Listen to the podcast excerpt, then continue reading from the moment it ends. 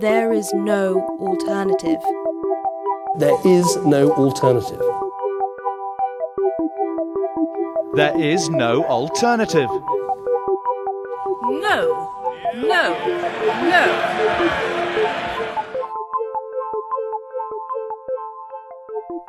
Hei, og velkommen til eh, årets siste episode av podkastserien Alternativ økonomi.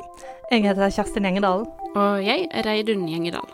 Og i dag så tenkte vi å se litt på en eh, gammel realøkonomisk institusjon som eh, lenge var nesten glemt, men som er i ferd med å få en renessanse, og det er allmenningene. Allmenninger er den eldste formen for ressursforvaltning som vi vet om, og i Norge så var allmenningene opprinnelig utmarksområder som ikke var eid av noen bestemt, men der alle de som hadde bruksrett, kunne hente ut eh, ressurser som tømmer eller vilt, f.eks. Uh, I henhold til regler som alle ble enige om, da, og som de så sørget for at ble overholdt i fellesskap. I Norge så har vi hatt sånne allmenninger så lenge det har vært folk her, og vi har fortsatt en god del igjen, eh, og de forvaltes av allmenningsstyrer. Mens eh, nå i nyere tid, i hvert fall de siste ti årene, så har folk begynt å bruke begrepet i nye sammenhenger som ikke nødvendigvis har med utmark å gjøre. Det begynte med internettet, som jo mange i starten tenkte skulle bli en sånn fantastisk åpen kunnskapsallmenning som alle kunne bidra til og nyte godt av. Så gikk det jo ikke helt sånn, noe vi også snakket litt om i episode ni, der vi møtte Bjørn Sterk.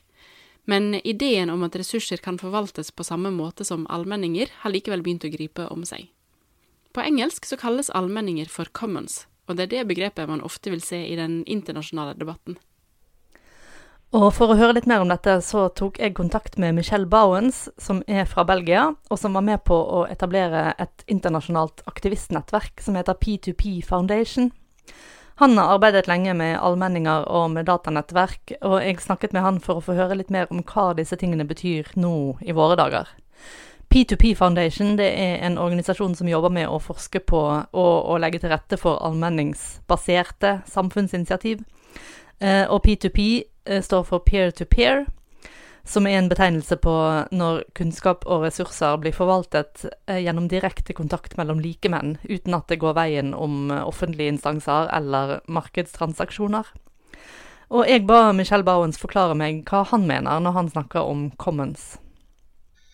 And so, okay, so the commons is any shared resource that is produced or maintained by a, a group of humans, a community, or a group of stakeholders.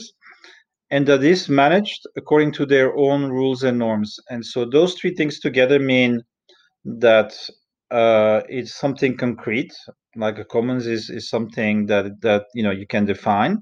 That is a choice. So commoning, organizing something as a commons is something that you can choose to do.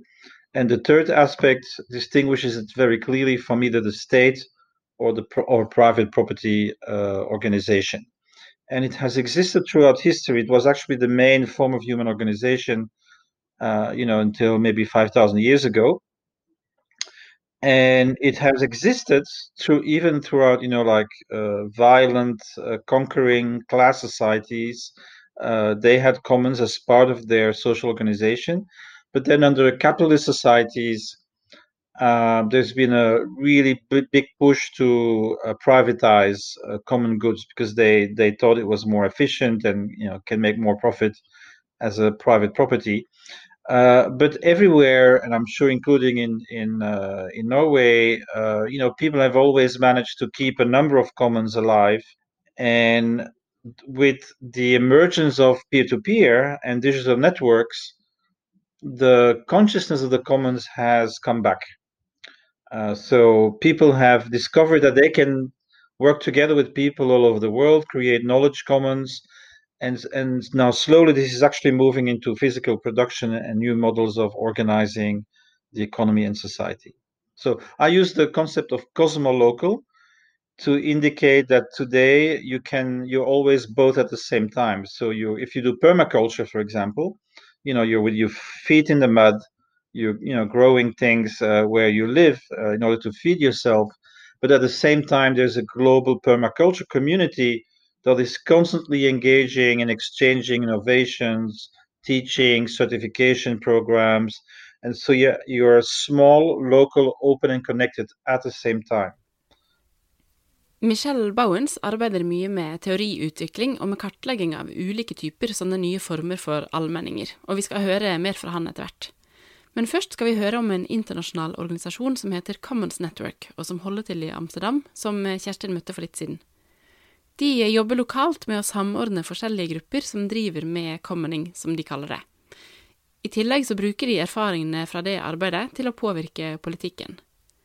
Commons Network ble etablert i 2014 som en konsekvens av at sånne selvorganiserte forvaltningskollektiv begynte å bli mer og mer vanlig. Hi everyone, my name is Thomas de Groot and I'm uh, from Amsterdam, which is where we are right now, and I live in Amsterdam as well.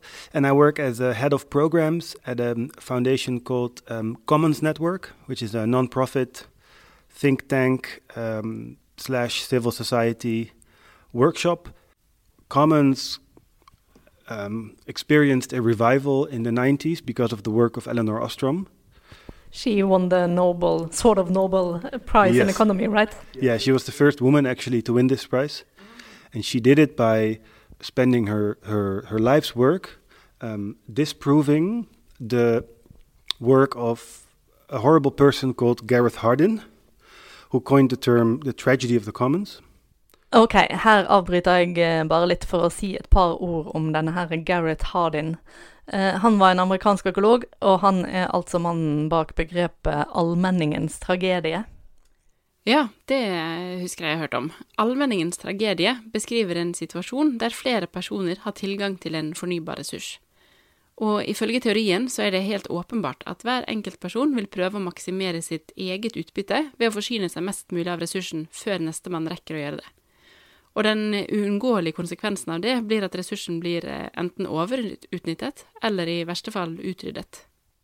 Og Gareth Hardin publiserte en artikkel om dette i Science i 1968, eh, og den fikk enormt gjennomslag, og fortsatt så blir han sitert i tide og utide.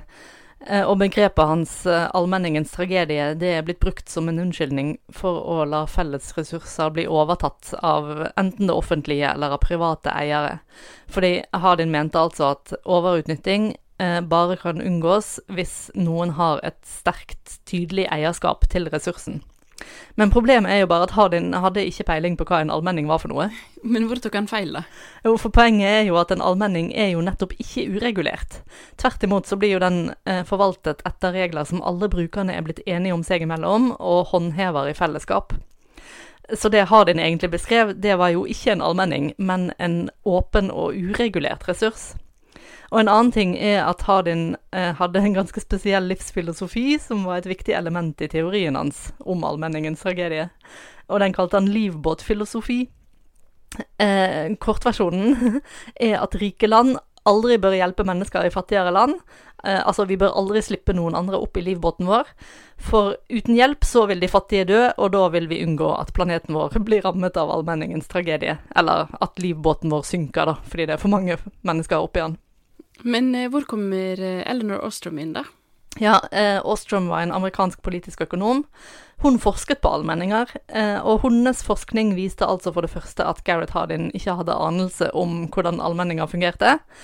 Men for det andre så viste hun at sånn selvorganisert kollektiv ressursforvaltning, det var effektivt, men det var òg bærekraftig. Så da kan vi gå tilbake til Thomas de Croix. And she proved basically that commons is a very useful um, organizational model to look at communities collectively stewarding resources. And that it's a really viable alternative for how we organize knowledge or cities, etc., etc. Uh, and then the internet uh, started in the 90s, of course. And then um, um, the the first generation of the internet was very uh, a bottom up collective enterprise of people working together to create new things and sharing them and it was it was very open and very free. So the commons uh, was rediscovered. And then wikipedia of course was created and creative commons and uh, legal specialists started looking into it again and economists uh, econo economists. Um, so uh, the the commons, as we use it now, as a metaphor, uh, really got its its revival in the 90s with the internet and the work of Ostrom. So, and then in 2014, you said this network was established. So that was sort of a continuation of that revival then. Yeah, and and, and by 2014, um, when uh, when Commons Network was founded, uh, the Commons was a really acceptable term, uh, but it was still um, in the fringes. Like it wasn't a very known term.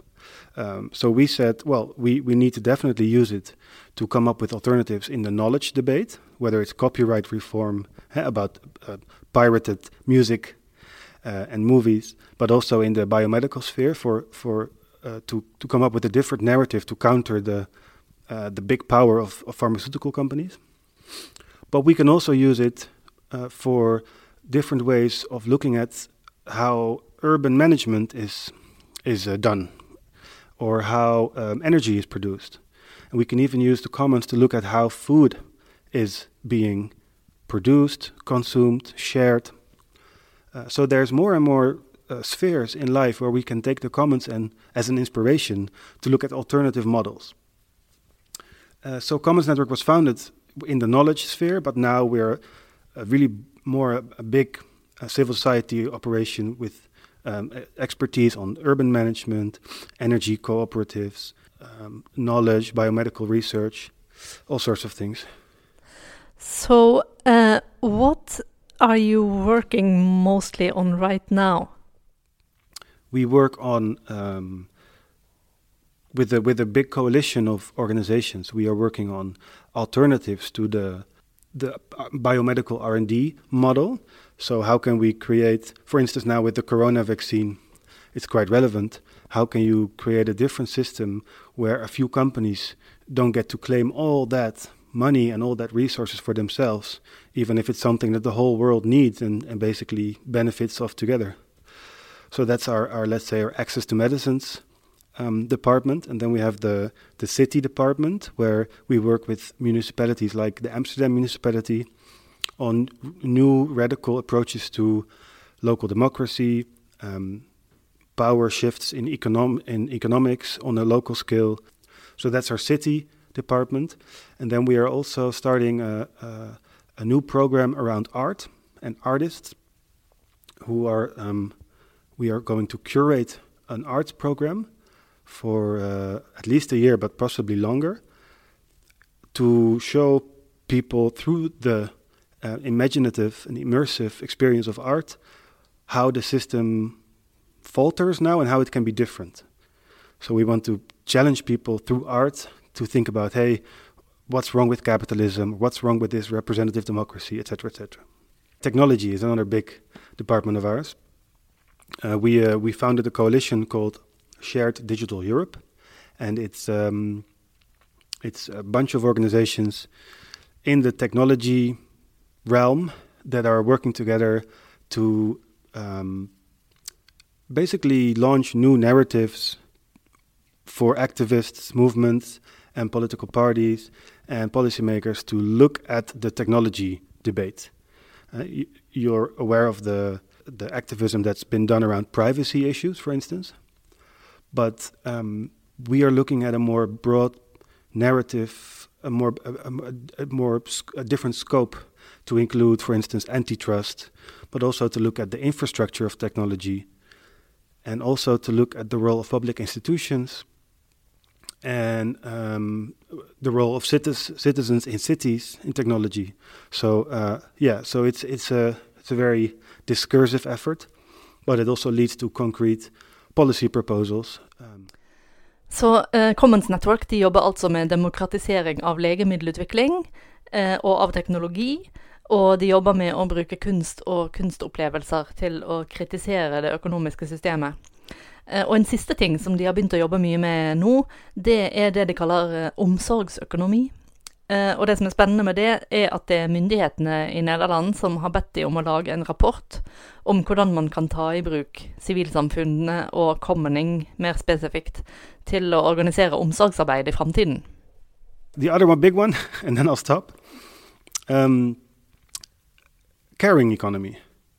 So we're uh, looking into um, um, social security and um, feminist approaches to economy, but also into uh, the the resilience of local neighborhoods as ecosystems, and how those three domains can work together to create a more caring, more thriving uh, society. Um, so that's really for us also new, interesting path. Uh, but it started because we were commissioned by the Ministry of Social Affairs to explore the future of social security in the Netherlands.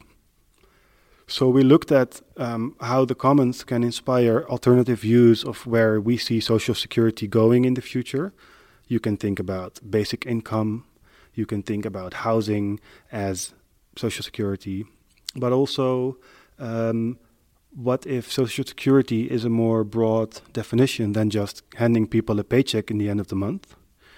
Uh, but maybe it's also about stimulating uh, thriving commoning spheres where people engage in commoning practices instead of just working for their employer to take care of each other, maybe by distributing food waste in the neighborhood or by um, working together on a local repair shop or you know basic commoning initiatives that are already there but that, that are never looked at from the perspective of caring so our statement our, our, our proposition is that sphere that commons domain is actually very beneficial for the the as a from a dual power perspective, from a mutual aid perspective. It helps people create more sense of belonging, more sense of community.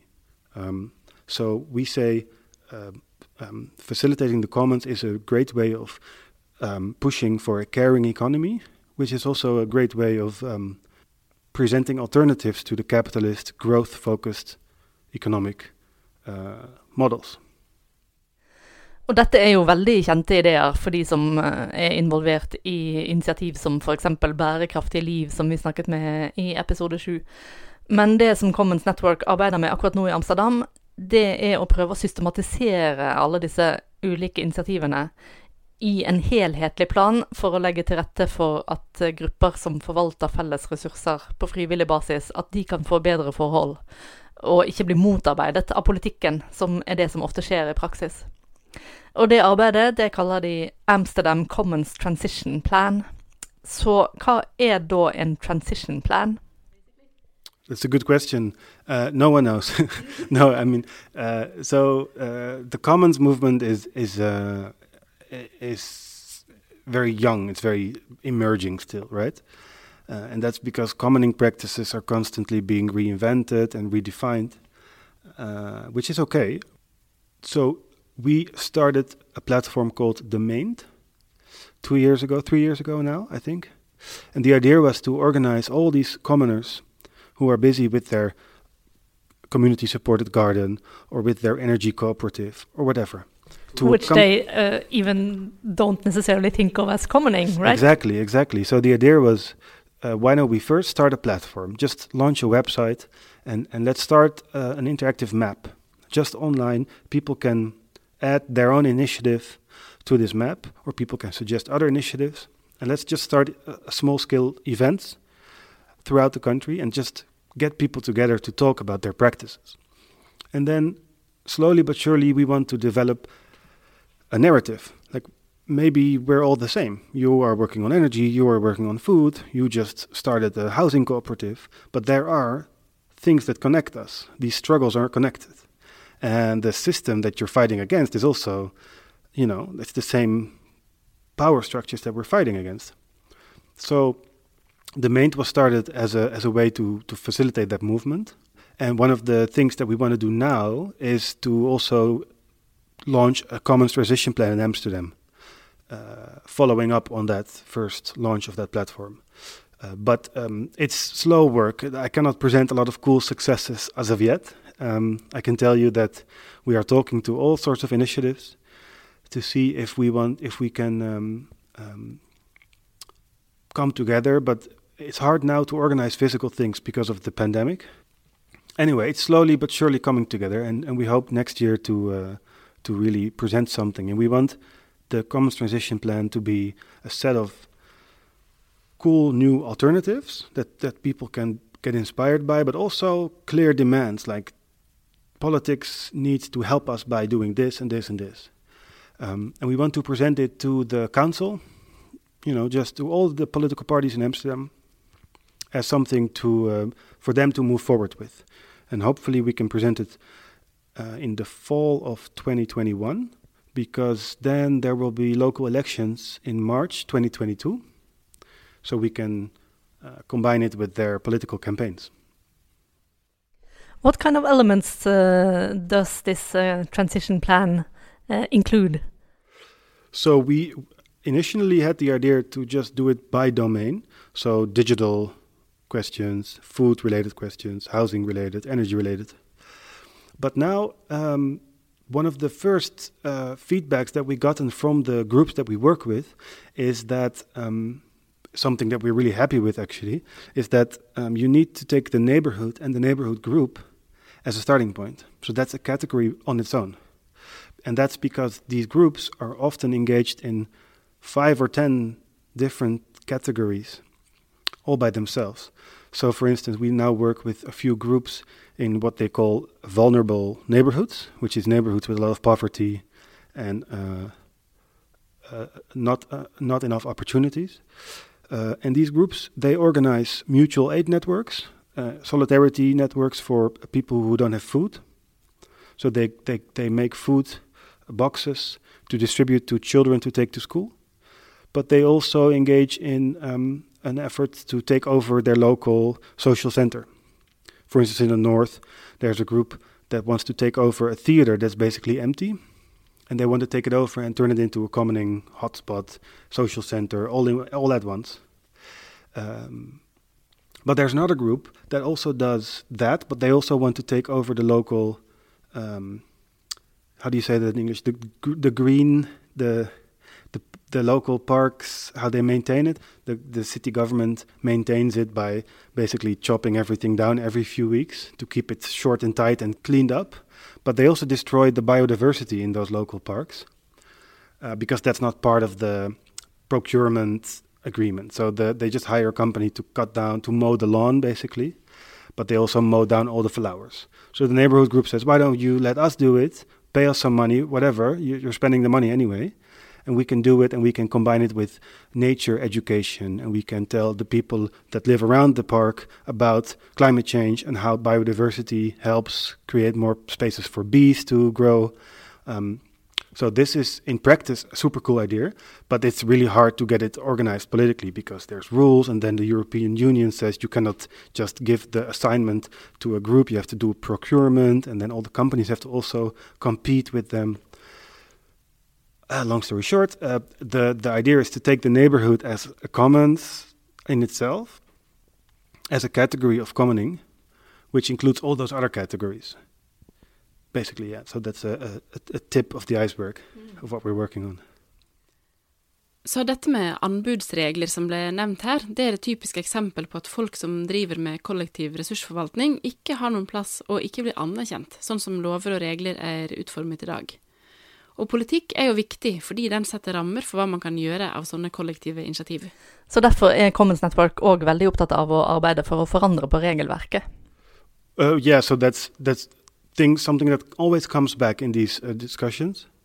Uh, because commoning is, is, if you zoom out, if you look at it from a theoretical perspective, commoning is, is a way for communities and activist groups to reclaim domains back from the market or the state, and in these days, usually from the market, to be honest.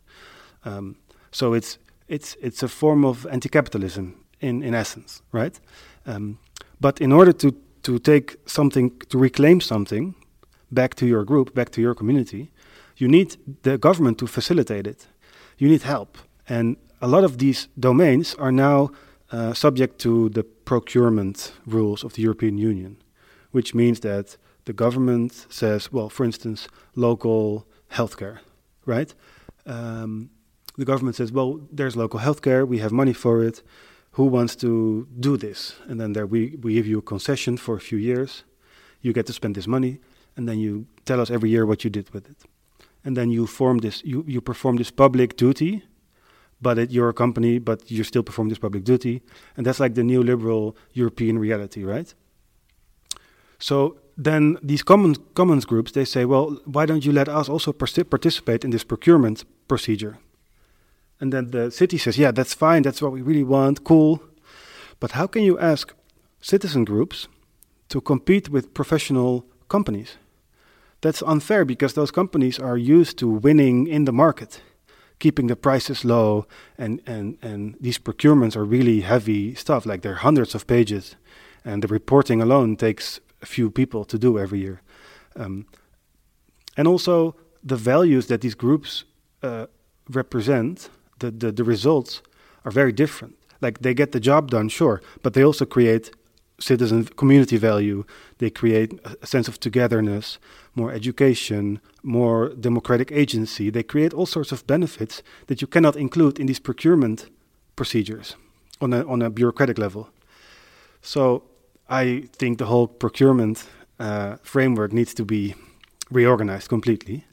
It, it, it's not enough to just say we need to uh, focus more on community groups when procuring public duties. It's it's it goes much beyond that. Um, if you want the commoning the, the commons domain to be stronger in cities, for instance, you need political change. You need something really more much more ambitious. Yeah, so there are lots of challenges also to uh, to this work. Then, I mean, uh, yes. in the end, it's about power, right? whether it's about these pharmaceutical companies who we are basically threatening because we're we're, we're challenging their um, economic uh, business model because they say, well, we can only make a profit if we can patent this medicine, and then we're saying, no, you, you shouldn't claim that for yourself. You should share that. And then they said, well, how can we make money? And we're like, well, yeah, that's not really our problem, you know. It's it's not your money to begin with. And the same goes for these local city commoning questions. It's all about power structures and, and reclaiming some of that power. Amsterdam Commons Transition Plan er ikke den første planen av den typen. Det har vært gjort i flere andre europeiske byer, og det henger sammen med den maktforskyvningen som Thomas de Groot snakker om. Og Michel Bowens, som snakket helt i starten, han har vært involvert i sånne prosesser lenge. Eh, Bl.a. i den belgiske byen Gent. Der eh, ville de lokale myndighetene legge bedre til rette for commoning. Og Bowens var med på å kartlegge hvordan det kunne gjøres. Yes, for example, um, I, I, did a study in the city of Ghent in 2017.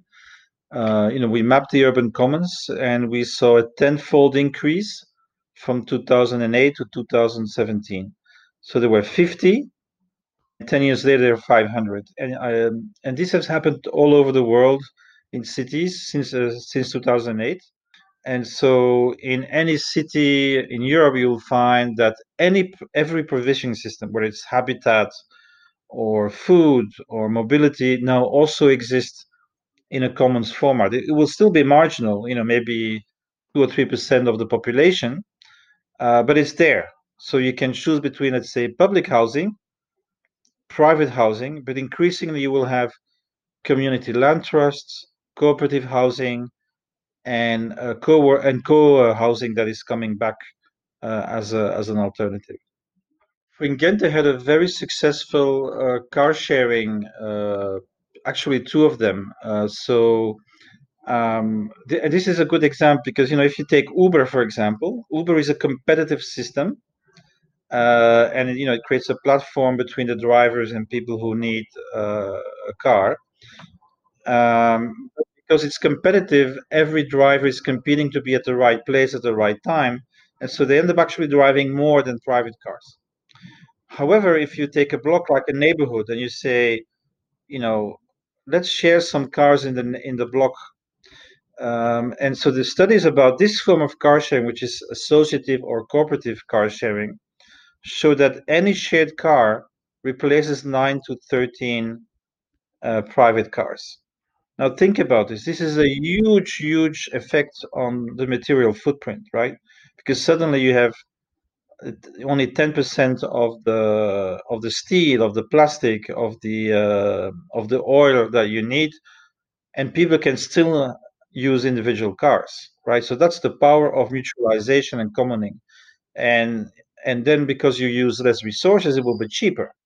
So people who shift to this form of uh, sharing, they will spend forth uh, only 20% of what they spend on a private car.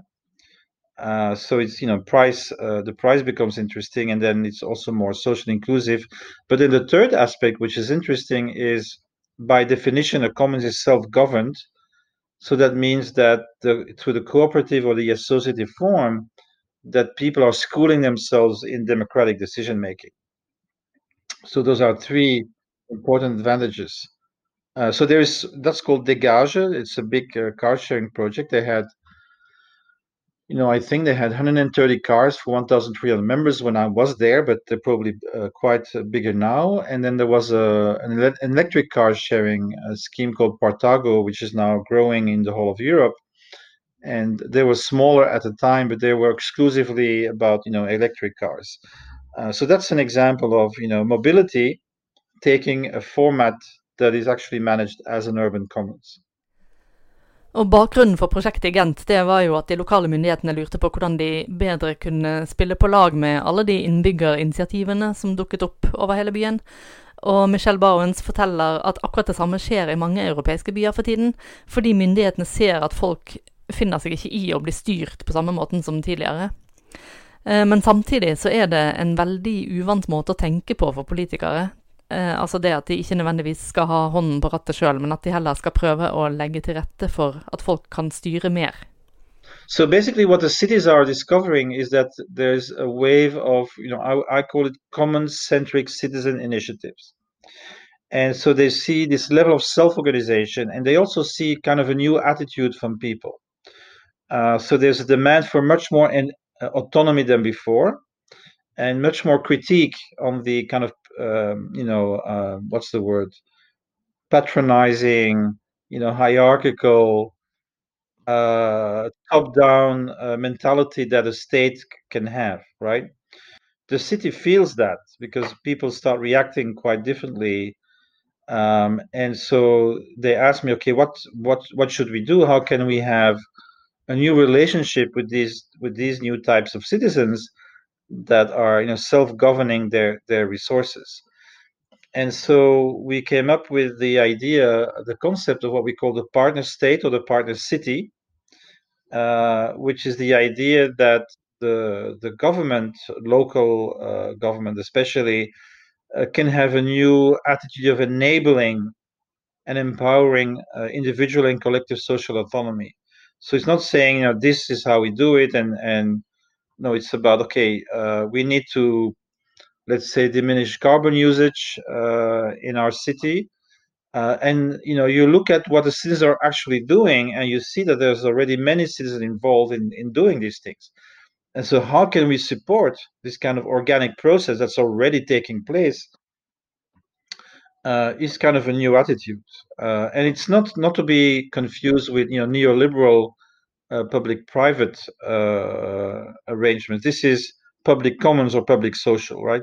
So we talk about public commons cooperation protocols. And the first example of this was in Bologna. It's some time ago already. And they started the Bologna regulation for the care and regeneration of the urban commons.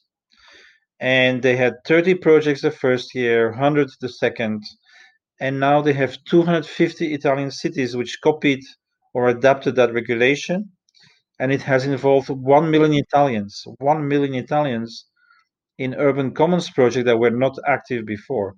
So that I see as a very important new paradigm, you know, that that that the city can do this kind of enabling function, uh, which is you know which is new for them because they normally, you know, there's this famous book called Seeing Like a State from James Scott, and you know this the state wants to control right? And and suddenly they have to learn to let go and and to i mean there's still rules and regulations but it's from a quite a different point of view that they're doing this uh, with much more autonomy for for civil society. Og for Bauwens så koker mye av dette her ned til en diskusjon om verdi og hva vi anerkjenner som verdifullt, og hvordan vi kan belønne verdiskaping i ekte og vid forstand? So what, what I come to as a conclusion is we have to recognize that value is contributory. That value is not just created by you know commodified labor uh, with you know in a in a market, but every citizen that contributes to a commons is also creating value for everyone. Uh, and so I say this is not just like you know marginal. This is actually what we are looking for. You know, a, a, val- a, a transition of our value regime. Uh, because in our system today, we ex- you know we externalize all the uh, negatives, but also the positives, right? So we have nature and community as a tap, and nature and community as a sink. So nature and community as a tap means that a lot of things will not be paid, like domestic labor or caring for your family. And uh, Facebook is, you know, is is being co-created by two billion people. Otherwise, they would have no value. And yet, those two billion people do not get any any you know benefit or profit sharing. At the same time, the damage that we do uh, to nature and to communities is never taken into account. It's not part of our accounting systems. When when you shift to a contributory regime, you can say, well, what is it that we want to value in a society? And you can start deciding that you know, like caring for your family is actually a, a valued contribution.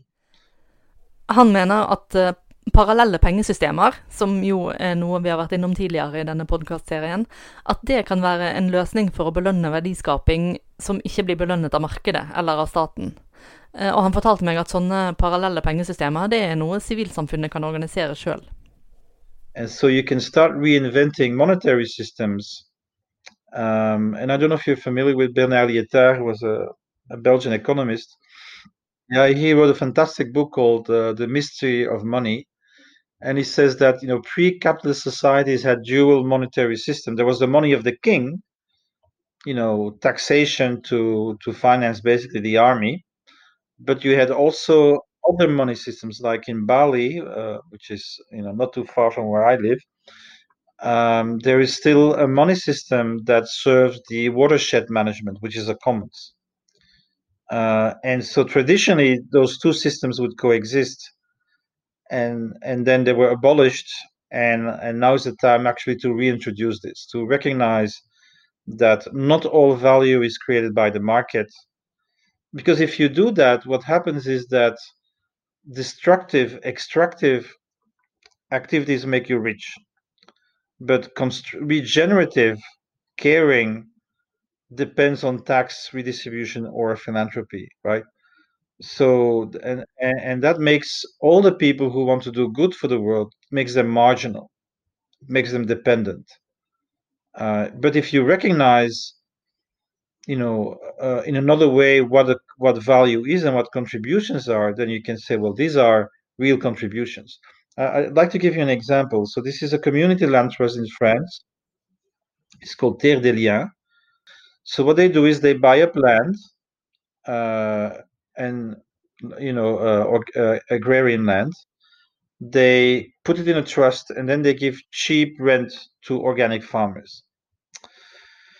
And they, you know, they have about 100 mil, uh, uh, yeah, one 100 million euro uh, in capital, and they've already proven in a study in 2016 that their farmers generate 350 million euro in savings to the French state because they don't pollute the water and so there's no depollution cost. Right? So imagine imagine we had a imagine we had a way to to do to show this, right? So this is where ledgers come in. The distributed ledgers, I propose the use of public ledgers.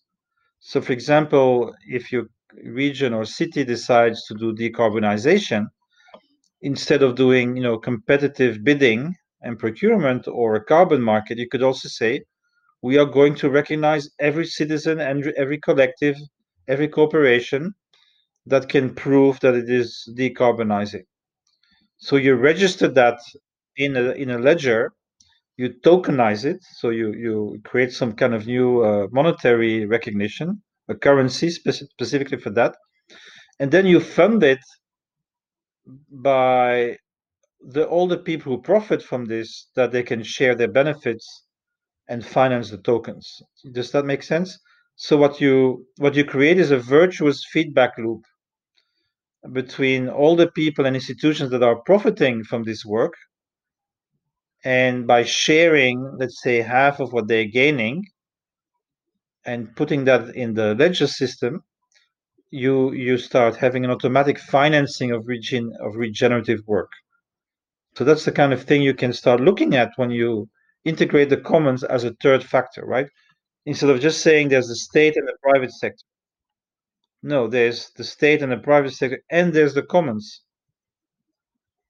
which is the way civil society can organize itself you know, to manage contributions. Men ja, for at man skal kunne få med alle disse andre bidragene som ikke er bare pengetransaksjoner, så trenger man en ny type regnskap og bokføring. Dette har eh, det allerede blitt eksperimentert mye med rundt omkring. Og i tillegg så må vi ha institusjoner som kan koordinere alle disse bidragene, og samtidig fremme allmenningenes sak. Ifølge Bauen så har vi fire store samfunnsområder i dag som har veldig godt utbygde institusjoner som forvalter sitt område, og de fire er kultur, politikk, økonomi og forskning. Men så mangler vi noe tilsvarende for allmenningene, og det er han opptatt av at vi må skape. We want a fifth magisterium of the commons. So what does that mean? Today we have in modern society we have four magisteria, and these are kind of relatively autonomous functions that already operate on a global scale, and that is culture, politics, the economy, and science. So they're kind of like regulatory networks. Uh, so politics decide who gets what from the state. The economy decides who gets what from the surplus.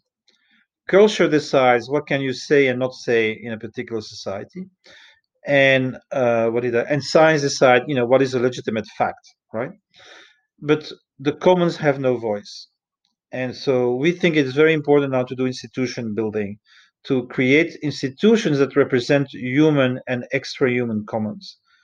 So, you know, we propose um, Chamber of the Commons, Assemblies of the Commons. For example, in France, uh, we have at least 15 of those already, uh, you know, in various cities where the commoners, the commoners of a city coalesce together to defend you know the the interests of the commoners um, and you will see Grenoble, Toulouse, Lyon, Lille. They they have these types of institutions already, and so there are, you know, like cities that believe in this. Like in Grenoble, they have already a functionary for the commons, and in Naples they have a functionary for the commons. So you see that the political world is also slowly you know taking this into account and creating structures of dialogue uh, with this. So this is the beginning of this. I'm not saying that it's you know evolved uh, very far, but you can also see signs. And the golden rule of the P2P Foundation is we only observe things that really exist. So we have a wiki with 22,000 articles and, and concepts and projects which has been consulted 92 million times so far, and all these things that we have exist. They're not necessarily big, but they exist. Så da høres det ut som at eh, Frankrike og Italia, som vi har hørt om tidligere, er eksempler på land hvor myndighetene er begynt å bli mer bevisste på å legge til rette for disse nye formene for allmenninger som begynner å finnes rundt omkring. Og andre steder så dukker også sånne initiativ opp av seg sjøl, uten at de får så mye hjelp av eh, myndighetene. Men vi har jo hørt at disse grasrotinitiativene driver med veldig mange forskjellige ting, og de fleste av de er jo antagelig mer opptatt av å bare få ting gjort enn av hva de kaller det de driver med, om de kaller det forkommening eller allmenningsforvaltning eller hva det er for noe. Så eh, da blir spørsmålet om alle disse forskjellige gruppene ser på seg sjøl som del av en større bevegelse. Jeg spurte Thomas de Kroot, som arbeider direkte med forskjellige grupper i Amsterdam, om akkurat det. That's a very difficult question to answer. Um, so the range of groups that we work with is quite um, big.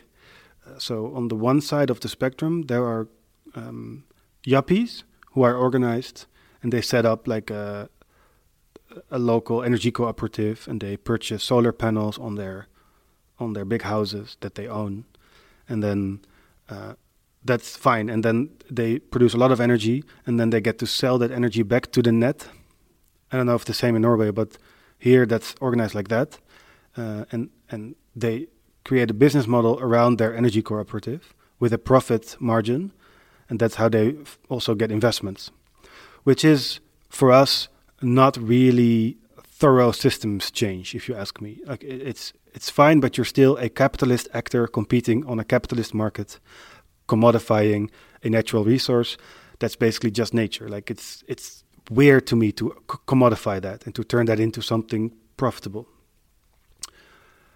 On the other side of the spectrum, there are, for instance, anti-gentrification activists who are uh, doing a lot of very local organizing work. Um, who are just saying, well, first of all, we need to get rid of these um, um, rental companies that are kicking out people, throwing them onto the street, and then selling the houses to yuppies. So that's one thing. But then also, what about the education? What about the segregation in schools? And what about the pollution in the air that makes our people sick? Um, so it's very hard to see one movement between these two extremes.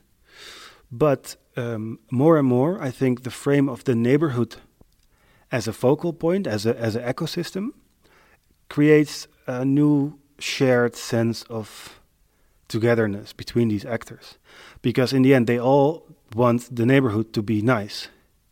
Um, so. Um, if you don't look at it from a theoretical, more academic approach, like hey, energy commodification, that's all very academic, right?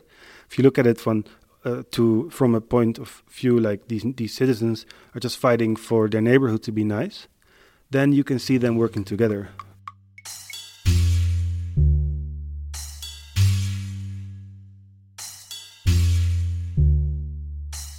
In, in, in Western Euro- Northern Western Europe right now, there's a term that's really popular. It's called um, community wealth building, and that's picking up uh, popularity now. And it's uh, it's it's basically uh, a framework that's designed in Anglo-Saxon context, in, in, in rural parts of the United States and Great Britain, um, looking at different ways of revitalizing local economies that have been left uh, without resources after the big industries started disappearing.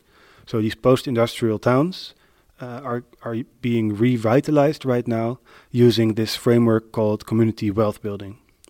Um, and it's popular here, even though we don't have a lot of that in Amsterdam, that post-industrialism. In fact, uh, we have too much growth and too much economic activity in Amsterdam. So we have gentrification and housing crisis because it's all unaffordable, and uh, big companies taking over small uh, economies. Uh, but um, what's interesting of that framework is that it's about economic power shift.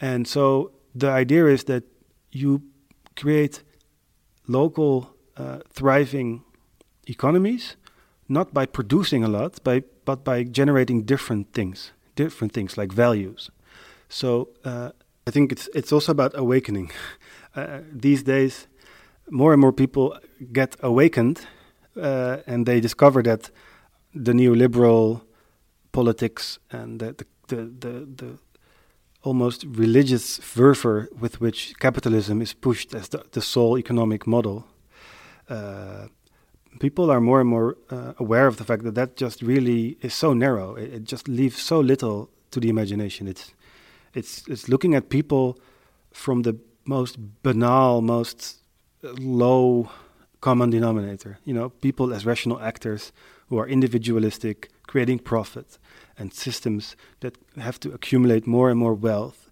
and that have to extract more and more from existing ecosystems. It's very, uh, it's almost offensive to human nature, right? Uh, so I think we, we, we look at all these new theories, whether it's Kate Raworth's donut economy or the well being economy or caring economy or all these different terms that are now thrown around. We look at it as a way of saying what we all agree on is that what's happening now is just really bad and it's really we're not offering enough alternatives. And all these new approaches whether it's commoning or the donut uh, they all represent something more, and that's about community, and it's about reciprocity, and it's about regenerative culture, and joyfulness, and caring, and uh, um, stewarding nature instead of exploiting it, and uh, uh, facilitating collaboration instead of individu- individualism uh, and collectiveness. Uh, so, yeah, I mean, call it however you want, but that's the way forward. So, uh, and for me, all those new models, commoning, uh, uh, uh, feminist economy, whatever, solidarity economy, they're about designing this alternative. So, if you if you are not allowed to grow anymore from a GDP perspective, how are you going to organize your society and still thrive? Well, there's many ways. Just look at commoning and um, the donut and all these new um, ideas. Den visjonen som både Thomas de Croix og Michelle Bowens uh, har fortalt om, om en økonomi som er basert på samarbeid og bidrag fra alle, det er jo ganske ulikt den fortellingen vi ofte hører om at økonomien trives best under konkurranse fordi at det er sånn de beste ideene vinner fram. Så helt til slutt så spurte jeg Michel Bauwens om hvordan han ser på det mm, spenningsforholdet mellom konkurranse og samarbeid i økonomien. Yes, yes. I, I, I don't know if you're familiar with the multi-level selection theory, which is um, you know theory in evolutionary theory that says that okay once once once humanity is there, evolution happens culturally, and what happens is that cooperation determines which group will survive. So there's a tension between the cooperative element, which you know creates tribes and and and, and kingdoms and and um, and they're competing with other groups, and the the the, the best group, the, the group who actually cooperates the best is the one that's going to win that competition. Uh, but within a corporate within a cooperative group, you have the the incentive is for individuals to you know take from the group. And so you know we're angels and devils at the same time. And there's the problem with with the neoliberal system is not that we're not compet- competitive we are. It's that it only recognizes the competitive part.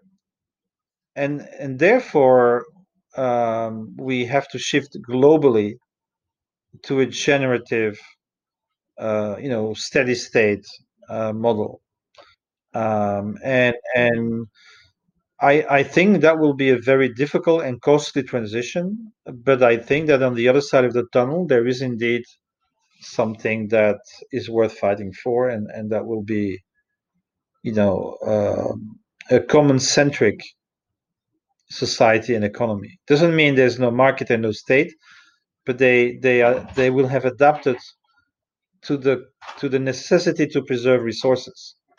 And the only institution that we know historically has done that is actually the commons. So that's the whole work of elinor ostrom who got a nobel prize in 2009 you know for lifelong research on these commons. And and she she has many examples showing how that it works. You know like if you go to switzerland austria japan and you are ask yourself why is it so green well it's because these mountain flanks are commons you know the village preserves the common resource so that it's available for the next generations. There is no alternative. There is no alternative. There is no alternative. No, no, no.